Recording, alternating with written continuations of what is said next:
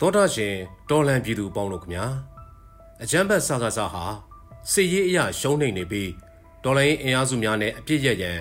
တရုတ်နိုင်ငံဂျားဝင်မှုကိုလိုလားလျက်ရှိနေပါတယ်ဒီအကြောင်းနဲ့ဆက်ဆက်ပြီး88မျိုးဆက်ចောင်းသားကောင်းဆောင်ဦးမင်းကိုနိုင်ကဒီဇင်ဘာလ17ရက်နေ့မှာ၎င်းရဲ့ဆိုရှယ်မီဒီယာမှာအခုလိုဆိုထားပါတယ်ဒေါ်လန်ရေးဂျေးဖြတ်ရောင်းရံမရှိအကျဉ်ရက်၌ရောင်းဝဲစုံစံကူးသန်းရာပွဲယုံများသည်အထိရှိ၏ ပွဲညွန့်ပွဲကမျှော်သူအပေါင်းတို့ထို့သို့ချီကအောင်မင်းလှုပ်ကြပါကုန်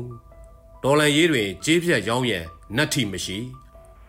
မင်းကိုနိုင်ဒီဇင်ဘာ17